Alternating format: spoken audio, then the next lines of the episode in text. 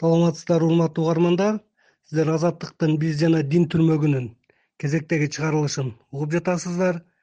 Бүгүнкү биздин коногубуз кыргызстан мусулмандарынын дин башкармалыгынын диний окуу жайлар бөлүмүнүн башчысы акимжан ажы эргешев берүүнү мен канатбек мырзахалилов алып барам. Биз жана дин.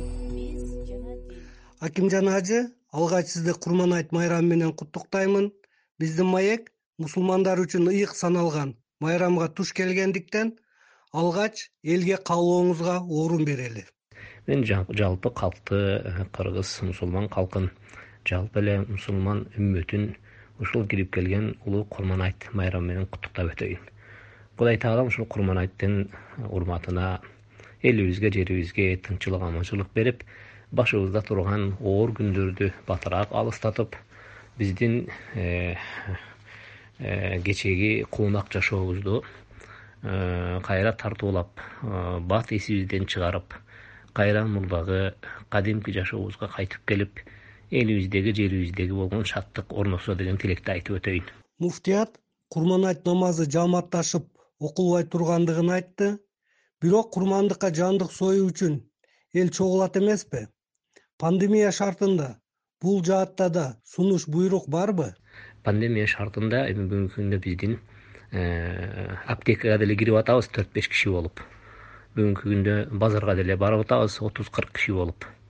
Эми ага караганда мал сойгон жерде билесиз бир малды бир киши соет бир киши терисин сыйрыйт бир киши аны бөлөт бир киши аны өзүнчө отуруп баштыктарга салат. Э, бул эми э, курмандык шалган мезгилде өзүңүз билесиз э, эгерде кайсы бир оору болбосо деле адамдар тазалыктын баардык шартын сакташат. Сакташат эмеспи. Өзүңүз билгендей мусулманчылыктагы союлган мал канчалык тазалыкты талап кылат.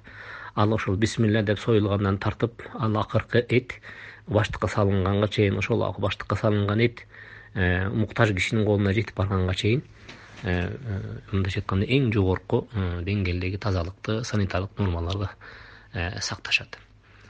Бул биринчиден. Мына ошондуктан бул нерсени биз эч кандай буйрук чыгарган жокпуз бирок ал буйрук шарияттын өзүнүн буйругуна камтылган малды кандай союш керек мал кандай санитардык тазалык нормалары сакталыш керек кандай шарияттын өзүнүн койгон талаптары аткарылыш керек. Аны менен кошо эле мына бүгүнкү күндөгү пандемияга байланышкан дагы Э, шарттар албетте бүгүнкү күндө ар бир мусулмандын ар бир э, акылы бар адамдын э, көңүлүндө түшүнүгүндө бул камтылган деп биз ишенип турабыз.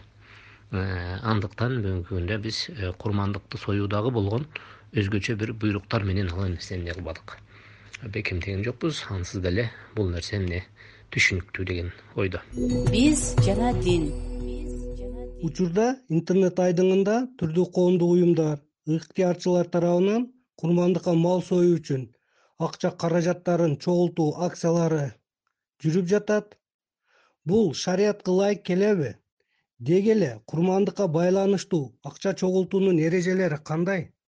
Деги эле шариятыбыз өзү э, бизге э, көрсөткөндөй биздин динибизде эки улуу майрам бар. Анын бири орозо айт болсо экинчиси э, курман айт. Курман айт бул чоң айт деп айтылат.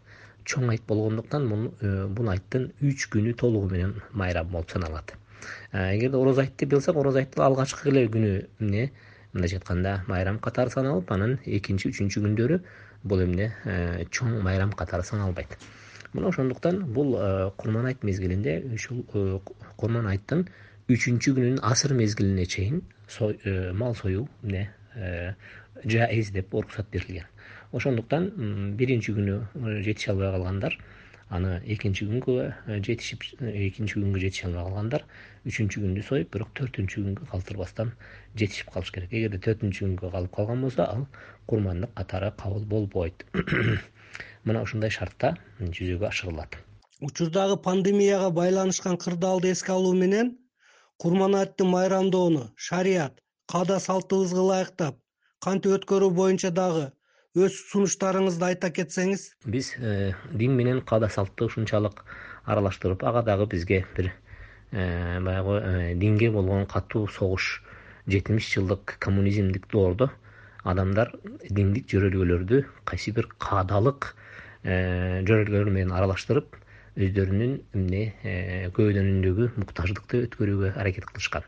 Мына ошондуктан эң эле бир кармана турган жер бул кайгы маселелерин адамдар көбүрөөк диний өңүткө диний жөрөлгөлөргө ыктап аларды ишке ашырууга эмне кылышкан көп талап кылышкан. Мына ошол себептен бизде адам өлгөндөн кийинки жетилик кырктык жылдык айттык аштык деген нерселер эмне болгон? Пайда болгон. Булардын баары шариаттык көрсөтмөдө жок. Булардын бирөөсү дагы шариятта эч бир жерде белгиленип көрсөтүлгөн эмес. Муну аткарасың же аткарганың жакшыраак болот деген нерсе жок. Мына ошондуктан мунун баарысын биз эмне кылсак болот? Бүгүнкү күндө ага окшогон ашка окшогон жетиликке окшогон кырктыкка ашка же болбосо айттыкка окшогон маселелердин жанында биз бүгүнкү күнү мына ушул тумоонун артында. Же болбосо жалпыга келген жалпыга сыноо катары келген пандемиялык шартта алла тааланын түздөн түз парз кылган беш убак намазды дагы жума намазды дагы бир жылда бир келчү айт намазды дагы токтотууга аргасыз болуп атсак анын жанында бул мышыкты дагы көлөкөгө чыгара албайт. Мына ошондуктан бул маселелерге биз катуу туруп бул нерселерди биз э, э, ошол кайгыны токтотуп ошол кайгы кылып аткан кишинин үйүнө барбай да коюшубуз керек. Эмне үчүн дегенде улуу майрамды кайгыга айланткандын өзү туура эмес. Улуу курман айтын кайгыга айландыруу бул өзү динден эмес. Мына ошондуктан бул эски э, калыптанып калган каада салт өңүтүндө келип шариятты бир жагынан бузса экинчи жагынан каада салтыбыздын өзүн өңүн сертке айланткан маселелерди биз токтотушубуз керек. Биз жана дин. Адат болуп калгандай эле айт күндөрү бири бирибиздикини айттап көзү өтүп кеткен маркумдарга арналып баардык жерде айттыктар өткөрүлөт. Ушундай кыйын оору жайылган учурда маркумду эскерүүгө арналып анын үйүндө өткөрүлө турган марасымдар кандай тартипте ишке ашырылуусу зарыл колубуздагы ар бир үйдө ар бир адамда ар бир жаштын ар бир картаң ата энелердин колунда турган э, каражаттар бизге бири бирибизди куттуктап коюуга бири бирибиздин э, шарият койгон милдеттерди аткарып жүзөгө ашырып коюуга толук шарт түзгөн мүмкүнчүлүктөр бар. Бул телефон аркылуу сайт э, видео звонок аркылуу соц желелер аркылуу жалпы калкты куттуктасак болот. Э, же болбосо э, же болбосо башка дагы интернеттик булактарды интернеттик каражаттарды колдонуу менен биз бири бирибизди толук куттуктап бири бирибиздин шаттыгыбыз менен ортодон бөлүшүп бирибиздеги болгон экинчибизге болгон каалоо тилектерибизди жеткирип бул майрамды кадимки э, э, шаттыктын э, салтанаттын майрамы катары биз белгилеп алсак болот. Бери кала биринчи койгон талап биринчи коюлган талап бул маселеде биз бүгүнкү күнү баарыбызга айкын болду албетте соц тармактарда кээ бирки чакырыктар чыгып атат. Эмне үчүн биз айтты майрамдабашыбыз керек биз эмне үчүн айтка чыкпашыбыз керек эмне үчүн биз айт намазды окубашыбыз керек деген сөздөрдү айтышат. Бул нерсени биз кудай кудай тааланын сунган шариятынын койгон милдетин аткарып биз эмне кылып атабыз? Мына ушул адам өмүрүн өйдө коюп адам э, ден соолугунун коопсуздугун э, сактап биз эмне кылабыз кудай тааланын койгон милдетин биз так аткарып атабыз. Башкасын билбейбиз. Э, мына ошол намазды токтотуу бул элдин астындагы милдет эмес бул кудай астындагы милдет.